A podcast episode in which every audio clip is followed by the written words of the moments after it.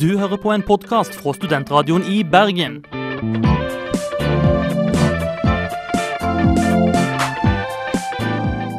Denne og mange andre flotte podkaster finner du på podkast.srib.no.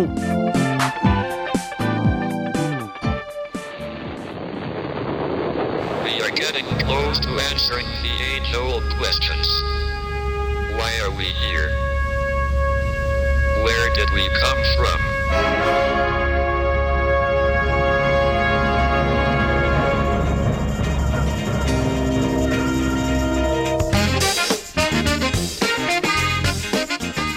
Dette er Soft Science på valgdagen. Eh, Forskning.no sier i dag at vitenskapen dessverre ikke kan fortelle deg hvilke politiske tiltak som resultater. F.eks. så krangler økonomene om eh, hvilken bistand som eh, om det virker eller ikke. Men det blir litt politikk i sendingen i dag allikevel. Eh, Og Olav, har du gjort en borgerplikt og stemt i dag? Det har jeg gjort, eh, men det er jo hemmelig valg, så jeg skal ikke røpe det for hele nasjonen. Men vi har jo en liten peiling på hva slags side Harald Eia befinner seg på i politikken. Han skal nemlig hjelpe venstresida med et vitenskapelig tyngde, eh, og skal da hjelpe med litt eh, evolusjonsteoriting. Ja, og kanskje denne vitenskapelige innsikten gjør at det kan hjelpe venstresiden å beholde makten.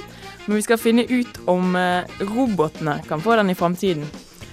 Ja, for eh, hvis du ikke vil da la roboten ta over verden, så må du kanskje begynne å spille Tetris. Eh, og hvorfor du må gjøre det, skal du få vite senere i sendinga. Jeg heter Olav Storli. Jeg er Myra Brekke, jeg er helt ny, og nå kommer Amanda Blank, 'Make It or Take It'.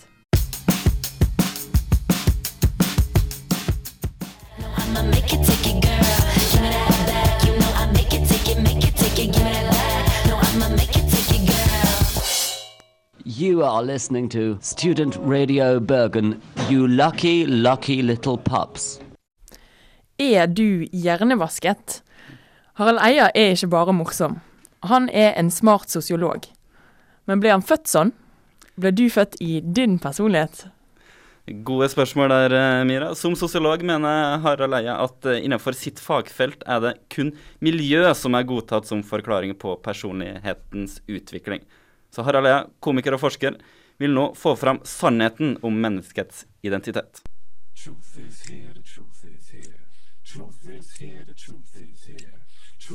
Here the truth is here, the truth is here. I want more. Give more. We want more. Damn it, I'm back to demand. We get more. We want more.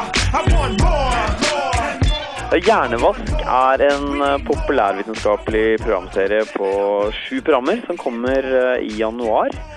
Og tittelen spiller på en måte på um, to ting. Det er at jeg kanskje har blitt hjernevaska etter sju år på universitetet, og at jeg nå skal liksom vaske og rydde i mitt eget og andres eh, hode, da. Raw, uncut. Who the fuck want what? Here to show you suck, I suck, I must. What the f what? Samfunnet er blitt uformelt, jo da. Men samtidig har vi ikke mista noe på veien. Jeg mener at eh, det er en del verdifulle innsikter fra evolusjonspsykologi og atferdsgenetikk og sånn som jeg føler samfunnsvitere har på en måte laget en sånn greie med at eh, alt som har med biologi å gjøre, gjør at ting fryses fast og blir fastlåst og ikke, det ikke er noe rom for forandring. da. Jeg mener at en sosiologisk teori er på en måte basert på evolusjonsteori eh, i en eller annen forstand. Den kommer gærent ut.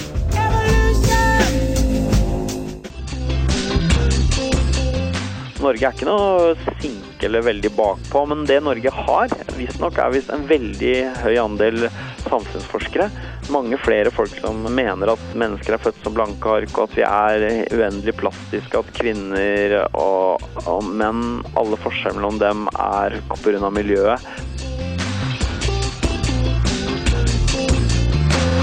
Gonna get on your jean by Jane. You're my jelly bean. Så hva er det som har overbevist deg om at det sannsynligvis har en god del med gener å gjøre, og ikke bare miljøet? Nei, det var jo Det er fordi jeg har lest og snakket med de som har gjort de store adopsjons- og tvillingstudiene. Det de sier, er at gener betyr mer nå enn før. Altså, På en måte er det ikke så rart, da. Det er jo, det er jo sånn med mange ting, f.eks. høyde. Hvis du kom fra en fattig familie før, så kunne du ha gener for høyhet, men det ble ikke noe høy, for du falt for dårlig ernæring. I dag så på en måte realiserer du det høyhetspotensialet i større grad, da, fordi tross alt så får folk i seg ganske riktig ernæring. Selv om også de er litt ulike. Så, eh, så hjemmemiljø betyr jo selvfølgelig noe mye mindre enn før.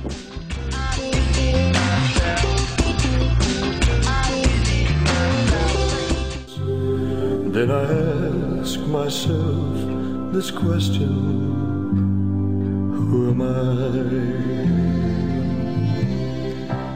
Livet er jo ofte en lang sånn erkjennelse av å prøve å finne ut hvem er jeg egentlig, hvor ligger jeg, hva slags type er jeg, hvor hører jeg hjemme. Um, så i, om man kan ta en gentest og fastslå det veldig fort, eller ta en personlighetstest og fastslå det veldig fort, så tenker jeg alltid at det er, kan være nyttig da, for noen, hvis man vil. Ja, det kan jo kanskje òg være litt skummelt, spør Ja. meg. For eksempel, da, jeg har en bok som heter eh, Brain Training. Ja. Og hadde jeg lest den, så håper jeg jo at jeg eh, kunne blitt smartere. Men hadde jeg visst at det ikke er i mine gener å bli intelligent, så eh, skal jeg bare gi opp, da. Det, det man sier er at 5-60 av forskjellen mellom mennesker er genetisk. Det betyr er at uh, hvis du har IQ på 130 og jeg på 100, da, så er 30 IQ-poeng forskjell, så vil omtrent uh, 15-20 av de IQ-poengene være genetisk. Resten er miljø. Man vet ikke hva det miljøet er. Som, uansett så er det jo rom for forbedring, da.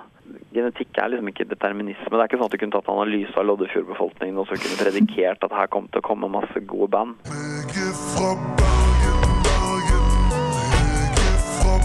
Så personlighet er en blanding av gener og miljø. Men hvordan miljøet spiller en rolle, det er vanskelig å si. Ingen vet helt hva den der miljøfaktoren er, men det er jo mange gode teorier, f.eks. at jevnaldrende betyr noe. La oss si radaren vår er stilt inn mot eh, jevnaldrende i større grad enn foreldre, f.eks. For, eksempel, for å orientere deg mot hva slags menneske du skal bli.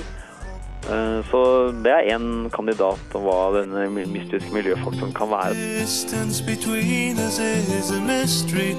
so.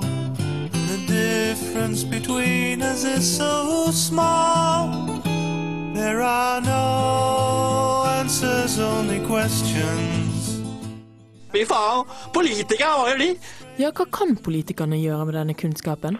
På en måte så bruker man jo allerede en sånn eh, praktisk kunnskap om den menneskelige natur i, eh, når man organiserer samfunnet. F.eks. vår naturlige hang til å favorisere våre egne.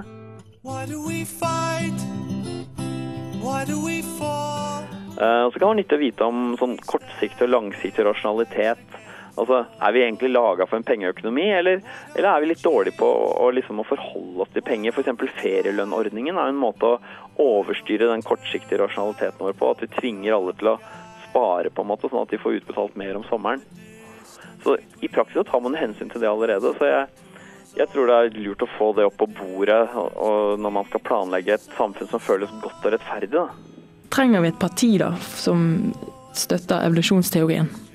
Nei, det burde jo Det burde ikke være noe politisk i det, syns jeg. Jeg veit det fort eh, sånne ting får en høyrestempel. Det er uheldig på en måte at høyresida har fått monopol på å snakke om biologi, da. For de har gjort det på en sånn litt sånn spesiell måte. Hvor de bruker det for å, til å konservere på en måte samfunnet. And I carry the burden of the proof. Ja, for faen. Skal jeg stemme for noe annet, da? Skal jeg stemme Høyre? Det må ikke være sånn. Altså, jeg mener at eh, venstresiden må ta tak i de innsiktene her. Så jeg jobber faktisk aktivt for det. Harald Eia jobber aktivt for at politikerne og akademikere som deg skal få øynene opp for genetikk. Med programmet Hjernevask skal en spre informasjonen. Men Harald har høyere forhåpninger enn bare det.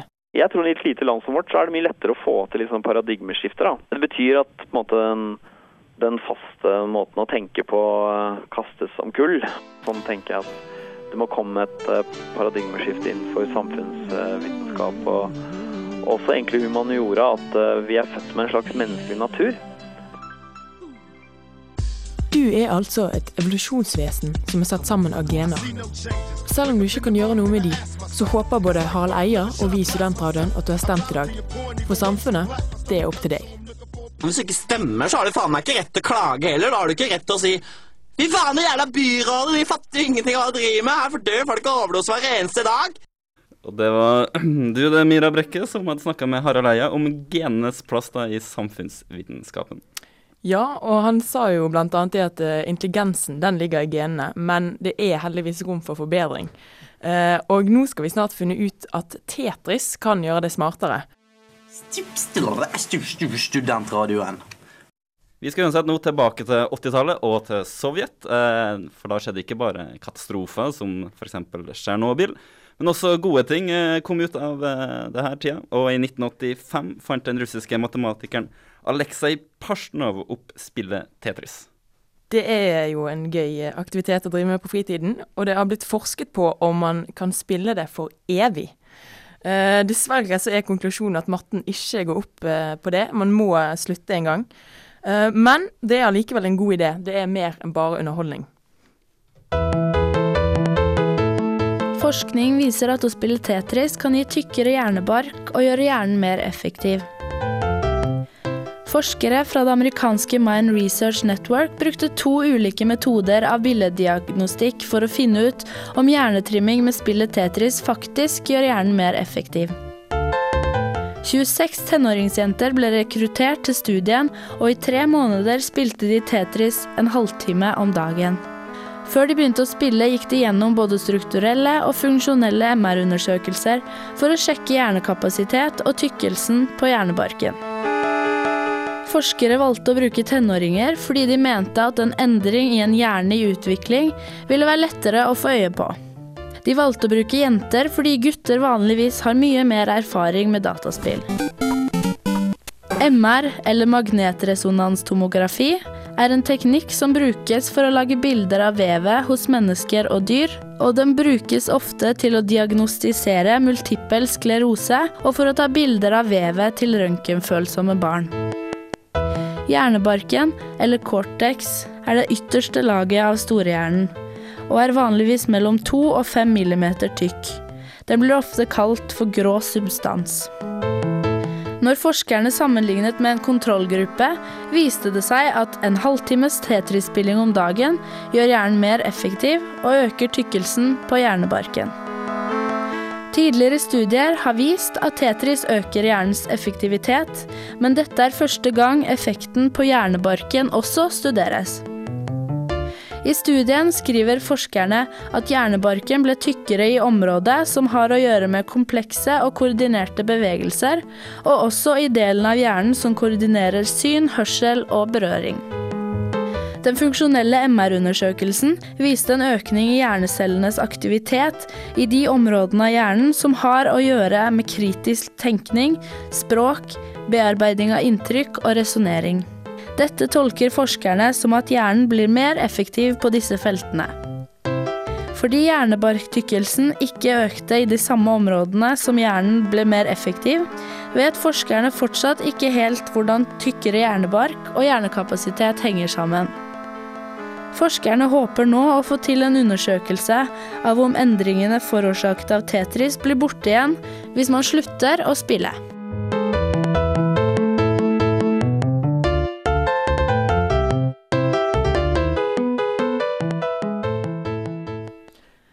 Ja, det var tydeligvis vår smarteste reporter, Elin Stensvang, som har laget sak om sin favoritthobby, Tetris. Og straks får vi vite hva vi har i vente av roboter i framtida. Radio or television? Radio.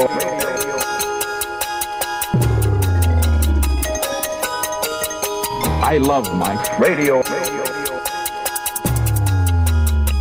First, I should like to express my gratitude to the radio. I don't want any of you radio broadcasters to think that we've gone to sleep at your switch. We haven't. We still listen. Du hører på Studentradioen i Bergen.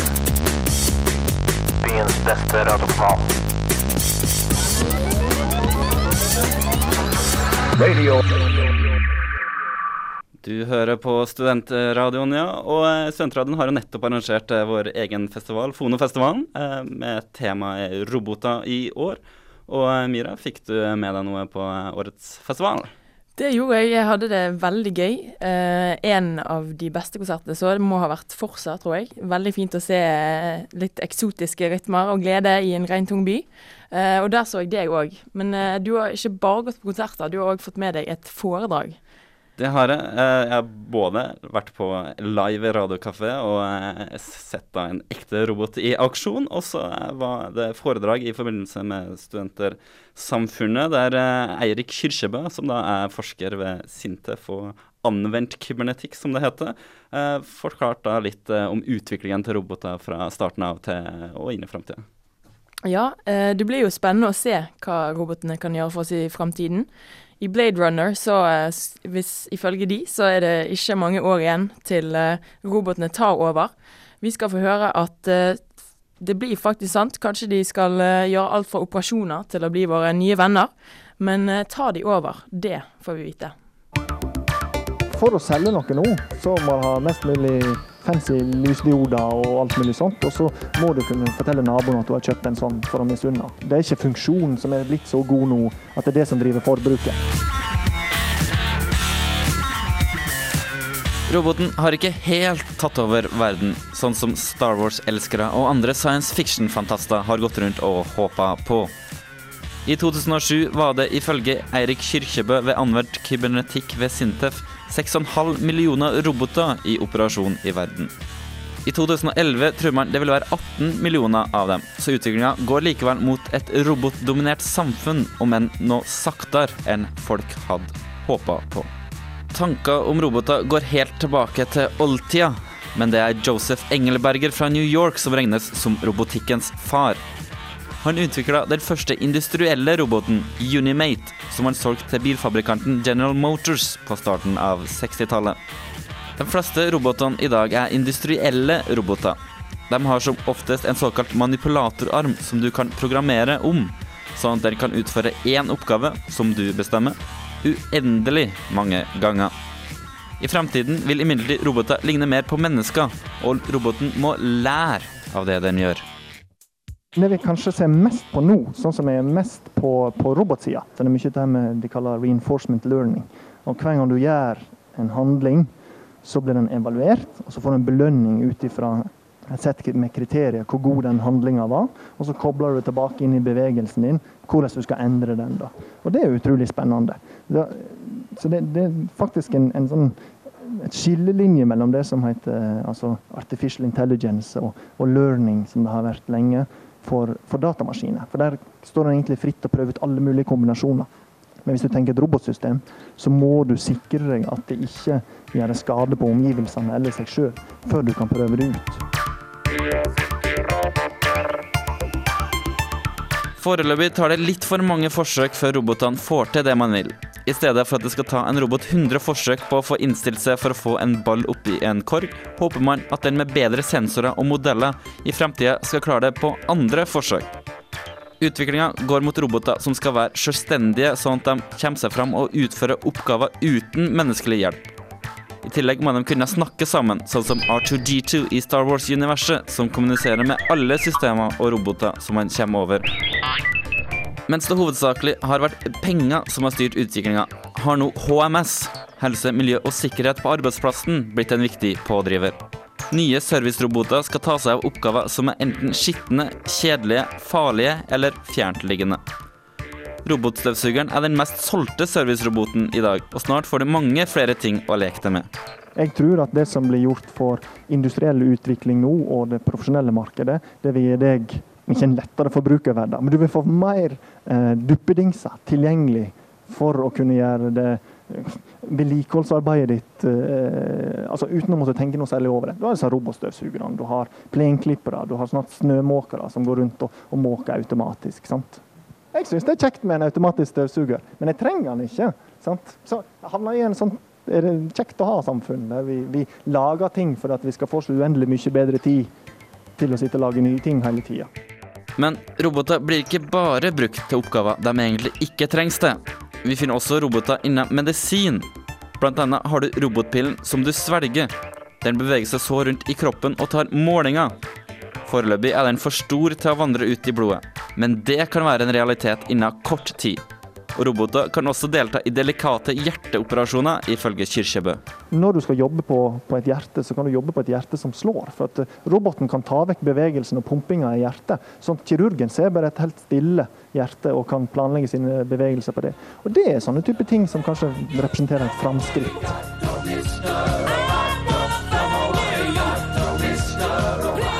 Nytten er dermed stor. Men kan vi bli for vågale og lage for smarte roboter, sånn at de kan ta over for oss? Neppe i nærmeste framtid, tror Eirik Kyrkjebø. Vi kommer nok til som, som eh, art til å ha monopol på en del, eh, en del ting. Og det som alltid har vært trukket fram, er kanskje dette med, med følelser og sånne type ting. Eh, Men når det gjelder funksjon, så er jeg redd for at, at de fort kan Si om 50-100 år, så, så har de kanskje tatt igjen en del av de funksjonene som vi, vi skryter litt av nå, sant? Altså, i forhold til andre dyr på jorda.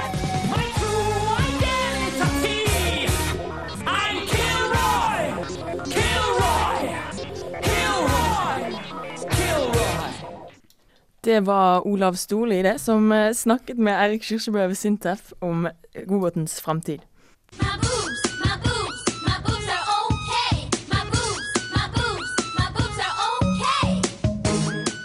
Hør heller på Studentradioen i Bergen. Informasjon er viktigere enn silikon. Informasjon er viktigere enn silikon, men mer informasjon får du ikke fra oss i dag, for Soft Science er ferdig. Så da må du vente til neste mandag klokka halv seks eh, før vi er tilbake med nye saker. Men i mellomtida så kan du gå inn på våre nettsider srib.no og sjekke ut eh, våre eller andre podkaster fra Studentradioen. De som var med på dagens sending, det var Elin Stensvaren. Tekniker var Martin Rødal. Og produsent var Håvard Margido Fuglås Aspen. I studio satt jeg Olav Storli. Jeg er Myra Brekke. Eh, Neste kommer Skummakultur. Der får du Kristoffer og Knut som hadde en eh, fantastisk vandring i Bergensnatten på Kulturnatt på fredag. Det må du få med deg, men først får du Yola Tango, periodically triple or double. Chích, tuyệt,